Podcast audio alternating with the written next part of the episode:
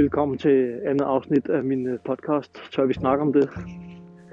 Øh, først og fremmest så bliver jeg lige nødt til lige at takke endnu en gang for al den fantastiske respons, jeg har fået på øh, mit første afsnit, øh, som jo omhandlede øh, rigtig meget af min, øh, af min barndom. Og øh, at være barndom af misbrug og alle de her rutsjebaneture, jeg har haft i mit liv, som har haft en, øh, en meget, meget stor betydning for mig, både negativt, men også positivt øh, hvad det har gjort af mig og ved mig, og øh, hvad det har lært mig, og øh, hvad for nogle styrke, der har givet mig i mit voksenliv og min øh, vej videre øh, som familiefar. Øh, med udfordringerne er masser af, men samtidig også for ligesom at give et indblik i, hvad der er sket, og derfor mit andet afsnit her af podcasten øh, kommer til at omhandle. Jeg tror, det er for mange kender det måske fædrene, overgangen simpelthen fra den her totale øh, frihed og drengerøvs liv til, øh, til det store ansvar. Og et ansvar med, med nogle, øh, med nogle tilpasninger, som har krævet radikale ændringer på rigtig mange områder, og hvilken betydning det har haft. Så øh, jeg vil lige byde jer velkommen, og håber I er friske på at lytte med.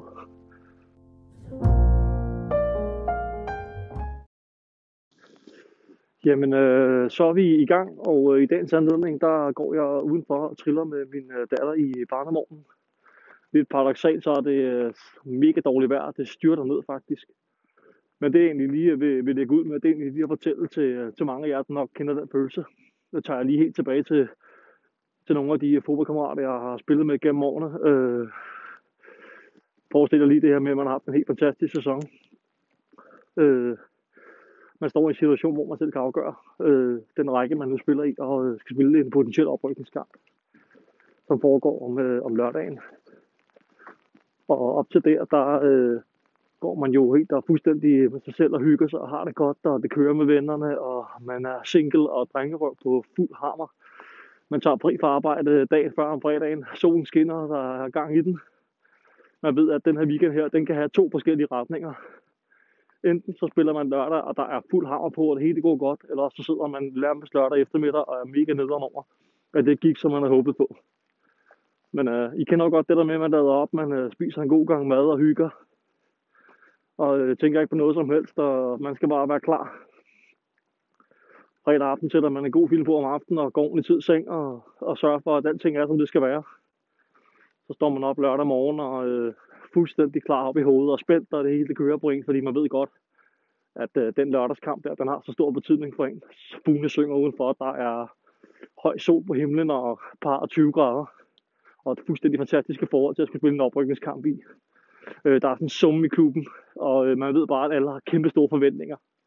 At man er i en situation, hvor man selv kan afgøre det hele. Og bare den der spænding, der er i, at man ved også, at der skal være afslutningsfest bagefter. Man skal mødes med sine øh, holdkammerater, og øh, de kommer der, der stiveste pusser, og alt bare ligger op til, at der bare skal være fest og farver. Og så kommer man ud og spiller der, og øh, så når man frem til, at øh, træneren og setupet er der, og man kan mærke den der sommerfugl fornemmelse i maven. Og øh, for lige hurtigt at indskyde en, en bemærkning, så har jeg altid sagt til mig selv, at den dag, hvor jeg går sommerfugle i maven og skal spille en fodboldkamp, så skal jeg stoppe med at spille.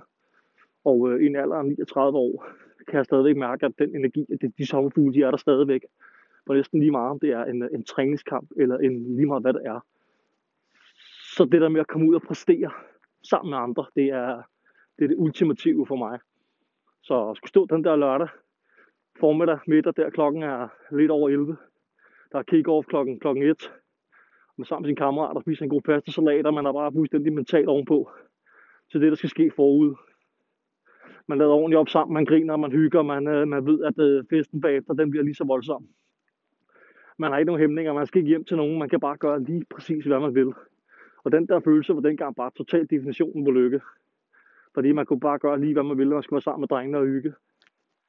Man går ud og spiller den der fodboldkamp der, og spændingen er høj, og vi kommer bagud efter meget, meget kort tid ind i kampen, så man kan mærke allerede der, der er nerverne langt ude på tøjet. Øhm, og allerede kort tid efter, så dommeren havde sagt til kampstart, at vi gerne må gå til makronerne, og vi må gerne give, det, give dem det gas. Øh, en af mine rigtig gode koldkammerater og venner, han øh, skubber sig ind af spillerne og på direkte rødt kort. Det vil sige, at vi så er i undertal resten af kampen, og nerverne, de er, vi er helt oppe og ringe over det. Det går bare slet ikke, som vi havde forventet.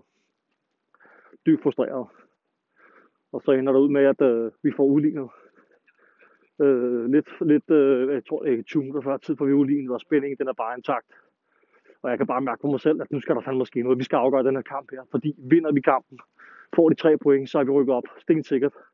Fordi vi kunne godt nøjes med en uafgjort, så er vi afhængige af andre resultater. Men øh, jeg har spillet fodbold i mange år, jeg ved godt, at man vil gerne selv afgøre det. Og så øh, kort før tid, så får en af vores gamle rutinerede spillere, der desværre ikke er blandt os mere, må han lige lidt fået får en god bold ud på kanten, og så smækker den ind foran, og jeg tager et løb hårdt ind foran og hamrer den klokkerent lige røven, som man siger. Og den sætter sig øh, direkte op i, i krydset. Og der er fuldstændig øh, ekstase rundt omkring. Der stod mange mennesker ud og kigge. Folk gik fuldstændig amok. Et andre klubbens hold spillede over på den anden bane. De var bagud 3-0 ved halvlejen. Og scorede selv deres afgørende mål til sidste 4-3, så hele klubben var fuldstændig op og skyde. Der var fest og farver, og det hele det gik, som det skulle. Kom ind i omklædningsrummet. Man vidste bare godt, at den dag her, den bliver for vild nu. Det kommer til at blive fuldstændig vanvittigt, det der skal ske nu her. Man var blevet topscorer i rækken, og selvtilliden var i top, og øh, der skulle være gang i det om aftenen, og damer derude af, og det ene, andet og det tredje, ikke? og masser af fest og farver, så det var bare mega fedt. Øh, det var en tid, som jeg kigger tilbage på med, med, med meget, meget øh, varmt hjerte, fordi det, det gav mig bare så mange fede ting, øh, den der frihed og følelse af, at man kunne gøre, hvad man ville. Det var helt exceptionelt, kan jeg huske. Øh, og som årene gik, har jeg jo altid været glad for at spille fodbold, men og som jeg også sagde i mit tidligere afsnit, at jeg tror altid, jeg har haft potentialet til mere, men, men psyken har aldrig rigtig helt vildt det. Og øh, når man igen står meget alene og skal arbejde med nogle ting, så kan det godt blive rigtig, rigtig svært. Så de der bitte små succeser, man har, har jeg jo lært at tage med mig og vokse af dem og har jo på den måde ligesom gjort min karriere til noget positivt. Med en masse fede op- og nedture. Men mest opture, synes jeg, det er helt klart det, der har bundet mig på rigtig mange områder. Så øh, det var helt vildt fedt. Øh, og jeg har også spillet fodbold uafbrudt jo. Siden det hele startede tilbage med EM92, har det været en, et sted for mig, som jeg også sagde tidligere, et frirum. Et sted, hvor jeg kunne trække mig en, en udtryksform. En følelse af at være en del af noget, og rent faktisk kunne bidrage til det store fællesskab og, øh, og booste mit eget selvværd og selvtillid på den konto. Det, det gav mig virkelig, virkelig meget og gør stadigvæk den dag i dag. Jeg ved godt, at niveauet er ikke, hvad det har været. Men det her med, at man kan gå ind og spille på et nogenlunde højt plan, selvom det er gammelmandsfodbold efterhånden, det, øh, det giver jo rigtig meget. Og, øh, og at man stadig kan sætte en mand af, og man øh, har nogle gode gutter omkring sig, det er jo en kæmpe motivation i livet. Og derfor appellerer jeg også altid til, at at blive en del af en holdsport, fordi at det, der er så meget læring i det. Der er så mange fede oplevelser i det, som, som man skal ikke, ikke skal glip af. Det giver så meget at være en del af det. Det, det må jeg sige, det har det været gjort for mig. Øhm, men som årene gik, fodbolden kom lidt i anden række. Jeg mødte en sød pige, og vi øh, fandt sammen. Og øh, lige pludselig så blev hun jo, jo gravid, og jeg har altid haft en tanke om, at jeg vidste ikke rigtigt, om jeg ville have børn. Nu har jeg arbejdet med børn i mange år, og og det der med at skulle, skulle tage ansvar for, for andre mennesker, det synes jeg var lidt stort, at det var fint nok at være på arbejde, og så kunne man ligesom sige, det var det, når jeg er fri, så havde jeg fri. Så skulle jeg ikke tænke mere på det, men jeg selv skulle have at være far for nogen, det var for mig en kæmpe, en kæmpe ting, som jeg aldrig rigtig helt havde tænkt særlig meget over. Det lå så fjernt derude, fordi jeg jo selv har haft så mange, der kan man sige, faderskabskomplekser, eller komplekser. Øh, og, og, og ja, har ikke haft den bedste rollemodel der, men man kan sige, at, øh, at graviditeten tog sig ud jo, og øh, da jeg først tænkte mig om efterfølgende, at, at jeg kunne jo godt mærke på hende, at det var den vej, det skulle gå. Så vi skulle jo være forældre. Og der skiftede jeg lige pludselig mening tænker, om det var jo egentlig ret fedt og fantastisk, og så kunne man selv måske være med til at, at, at lave om på nogle ting, men, men samtidig var det så fjern, fordi at det er også noget, som jeg siger i dag. Nu har jeg godt nok arbejdet med børn i mange år, og kommet med mange gode råd og vejledninger til familier. Men, men når man ikke selv er forældre, så er der altså bare noget andet.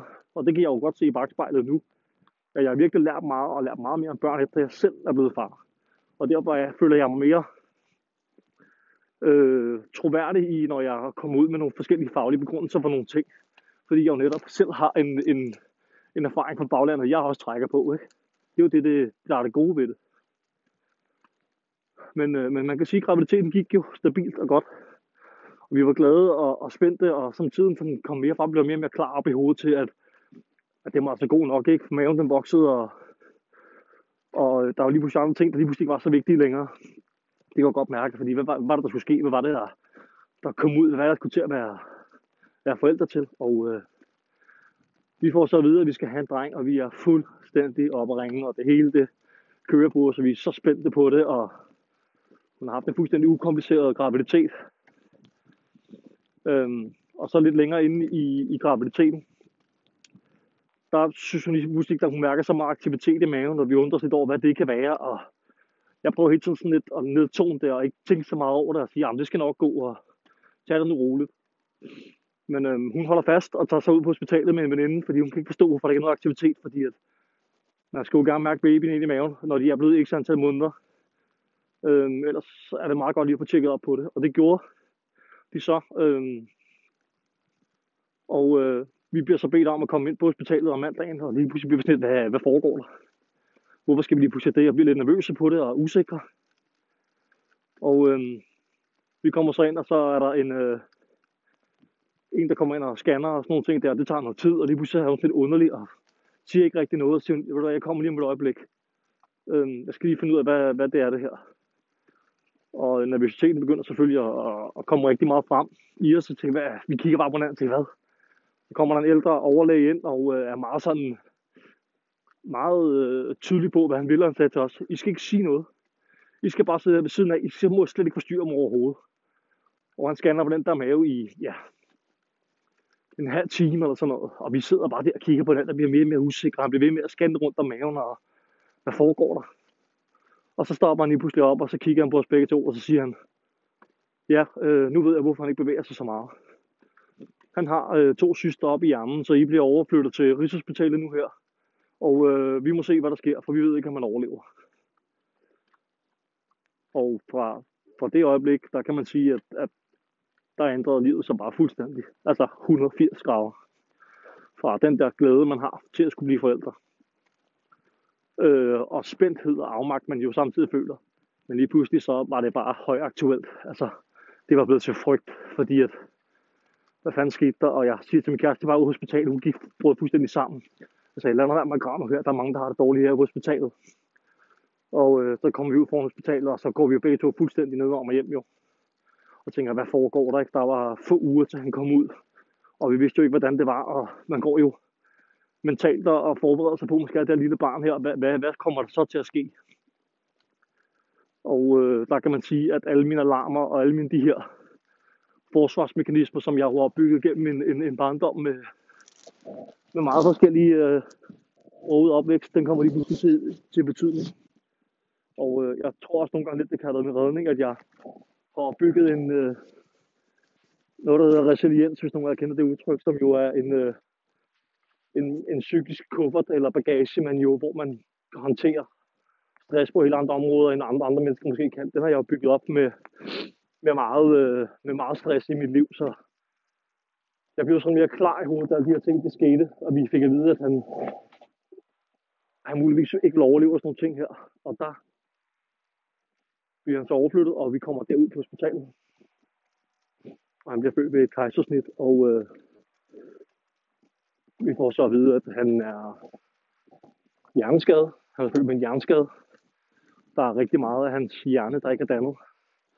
Og der sidder de her to store syster i hjernen, som har skubbet på hele selve hjernekonturerne. Så hvis man har en lille viden om, hvordan hjernen den ser ud, så lige det bare en stor øh, mærkelig mudderkasse. Det var meget, meget, meget specielt at se. Øhm, og vi ved ikke særlig meget om hjernen, men vi vidste jo i hvert fald, at det var ikke særlig godt, det der var.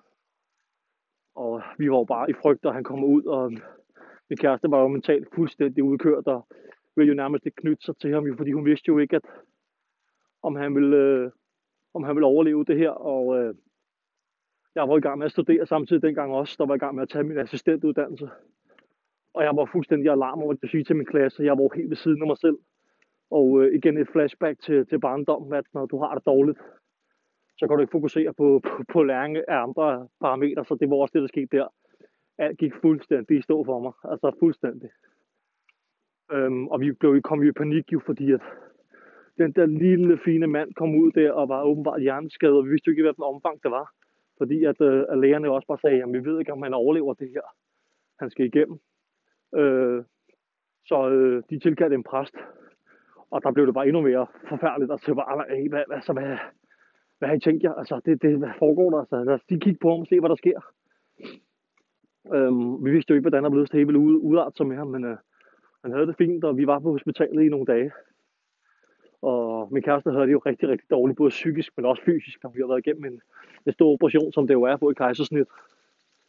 Så der var rigtig mange følelser ude på tøjet der, og det var første gang, vi blev forældre, så der var rigtig meget afmagt og, og frygt i os, i forhold til, hvordan vi skulle angribe det. Og øh, som tiden går, kan man sige, vi var inde og ude af hospitalerne hele tiden, fordi at, igen, vi var nybagte forældre. Øh, ingen af os har særlig meget erfaring med, med småbørn overhovedet. Jeg har arbejdet med, med, med børnehavebørn og fritidshjemsbørn, men jeg har faktisk aldrig rigtig erfaring med babyer. Øh, øh, overhovedet ikke. Øh, der sidder der og bliver far som en alder 33 år. Så alle signaler, vi kigger på, vi giver fuldstændig effekt, når han græder, han var stresset, fordi at lægerne sagde jo til os, at der var nogle helt klare ting, vi skulle kigge på i forhold til ham, når han kom ud. Og det var, om han havde solnedgangsplik, om han kastede meget op, eller om han, øh, hvad hedder det, øh, ikke ville spise noget, og alle sådan nogle ting. Så hver gang han gjorde det mindste, så var vi jo bange for, at der var sådan en interkraniel tryk på ham, altså der var tryk på hans hjerne, og det gjorde han på ham, fordi at hvis der var det, så skulle de ind og, øh, og lægge en ventil, noget der hedder en shunt, man lægger op i hjernen, man bruger hul ind i hovedet nærmest.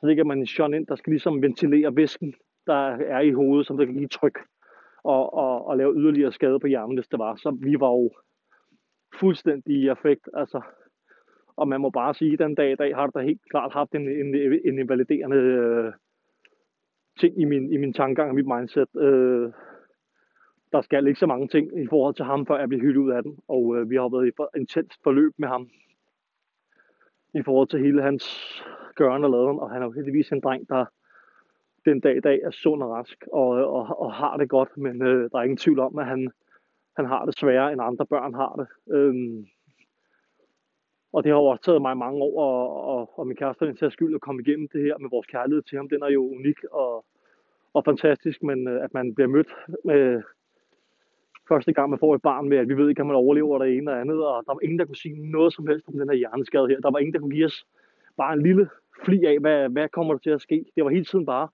vi må vente, og vi må vente, og sådan er det jo også, når man har børn. Der er jo ikke noget, man får svar på som sådan. Men fordi vi var så meget i effekt, så var det bare rigtig, rigtig svært at håndtere. Øhm, så man kan sige, at de første par år, der havde hun det skidt, eller i hvert fald det første halve år, var jeg enormt meget på. Fordi hun psykisk og ikke kunne, kunne håndtere det. Hun var simpelthen så bange for at miste ham. Så det fyldte simpelthen så meget, så jeg var på 24-7 med ham hele tiden, og havde også mit studie ved siden af. Så det var noget, der virkelig trak tænder ud.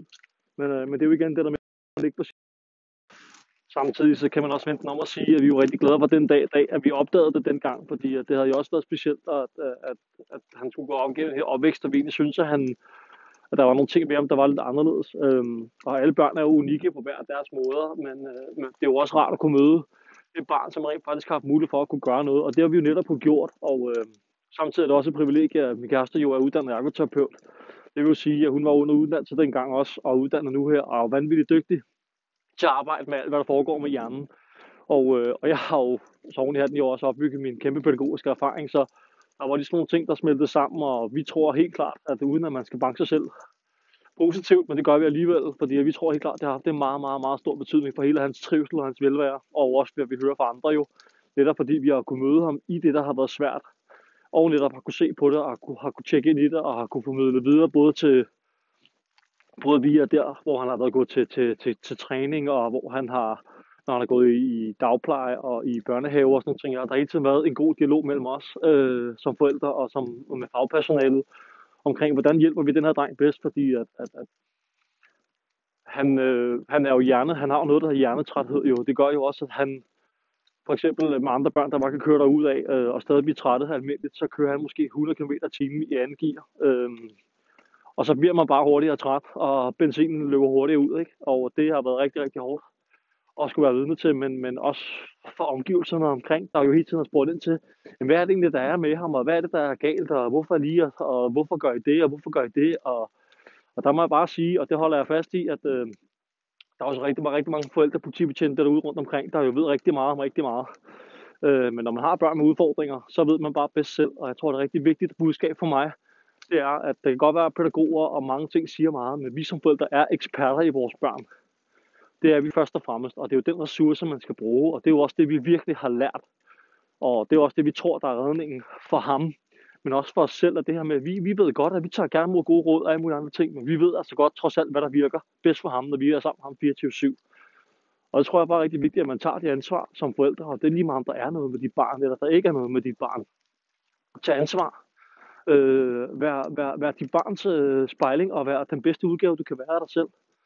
Øh, det tror jeg er rigtig, rigtig vigtigt at, at vide, fordi at, at, at der er sgu ikke noget federe end at vide, at ens barn er i trivsel og har det godt, og, og, øh, og fungerer med andre voksne, og kan finde ud af at opføre sig ordentligt, og tale pænt, og, og være høflig over for andre. Så det er, jo, det er jo alle de der fede ressourcer, vi tager med os, og, og, og siger, hvor er det bare dejligt, at vi har fået sådan en god og dejlig dreng, trods for alle de her forfærdelige ting, vi fik at vide, for det har været en mental, psykisk hård udfordring at være igennem. Og øh, for mig personligt har det jo været endnu et, en, en, et, et slag for, for en barndom, der ikke har været helt så fed, som, som, som man kunne håbe på. Og så lige pludselig skulle have et barn, der, der er ødelagt på forhånd, hvis man kan sige det sådan lidt voldsomt. Øh, meget, meget voldsomt måske. Øh, jeg er blevet ødelagt psykisk af, af andre, af mine forældre, men øh, at et barn skal starte livet med af udfordringer, det synes jeg bare er så unfair, og jeg blev ked af det og frustreret, og gik også psykisk ned med, med stress i en periode, fordi jeg simpelthen ikke kunne, kunne holde til det i en lang periode, og jeg har skulle være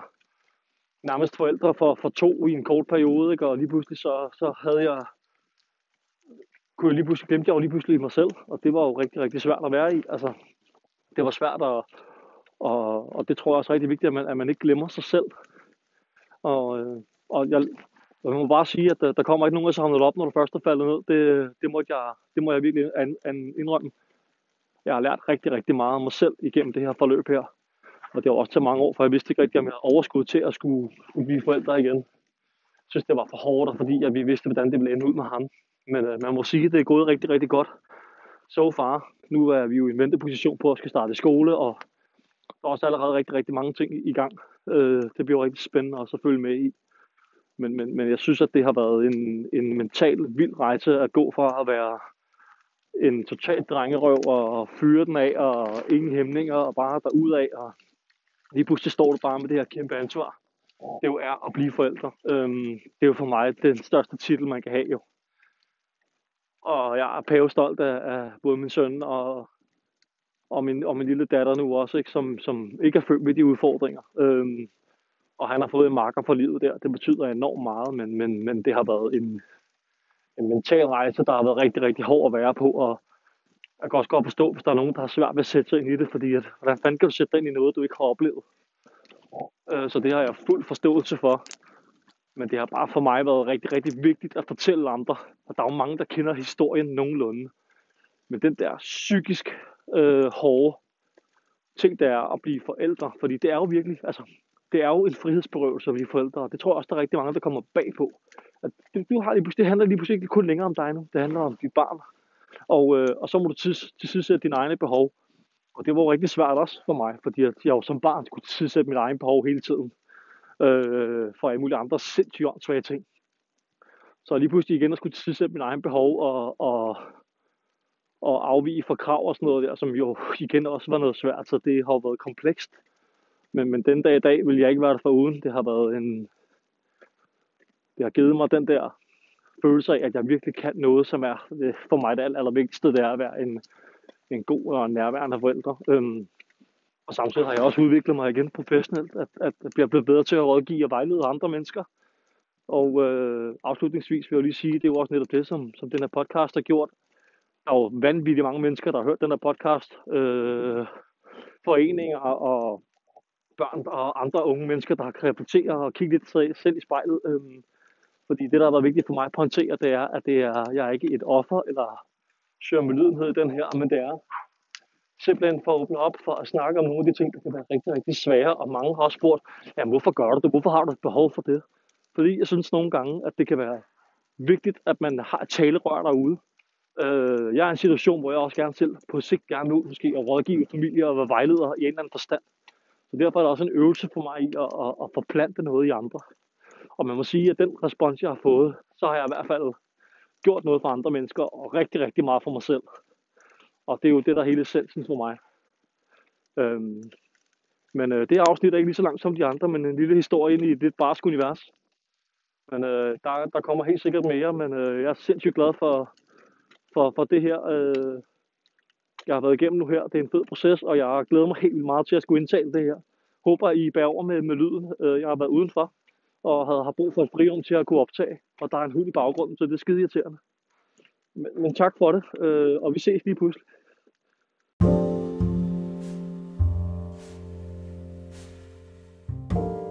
Jeg vil lige se her afslutningsvis, inden jeg, øh, jeg går helt af her og, og får lagt det op, så må I rigtig gerne sende den feedback, I har I gav mig her sidste gang øh, på Instagram og sådan nogle ting. Det er primært der, jeg har lagt det op, og selvfølgelig kommer det op på Spotify. Øh, jeg synes, der har været, øh, det er enormt lærerigt at høre jeres, jeres, øh, jeres, jeres historie og kommentarer og sådan noget der, så fortsæt endelig med det, fordi det giver mig nogle, nogle rigtig fede øh, idéer ind til nogle andre ting, og øh, jeg vil også gerne tage noget andet op, som jeg også har talt om, men lige nu handler det jo rigtig meget om min historie og mine følelser igennem gennem det liv, jeg har levet, og, øh, og for at det ikke skal blive for ensporet, så er det også derfor, jeg gerne vil udvikle på det, men, men det her er selvfølgelig lige min historie fra at, og drengerøven til, til at blive øh, far. Øh, og at man igen lige afslutningsvis vil sige, at når man har levet det liv, man har, så er der noget udvikling hos en, som måske tager lidt længere tid, og det tror jeg også bare er vigtigt at lige at, pointere en gang her, at jeg er, er, er, er en mand, der er, er ikke bange for at, at kaste mig ud sådan nogle ting her. Jeg synes, at det er fedt at, at gøre det. Øh, og igen, giv mig noget feedback, kom med noget respons. Jeg lærer enormt meget af det, og jeg elsker at høre jeres historier. Jeg er så taknemmelig for det. Så øh, have en rigtig dejlig dag, og øh, til næste afsnit, så have det fantastisk. Jeg håber, at den der coronatid, den snart er på modvejs ende. Pas på jer.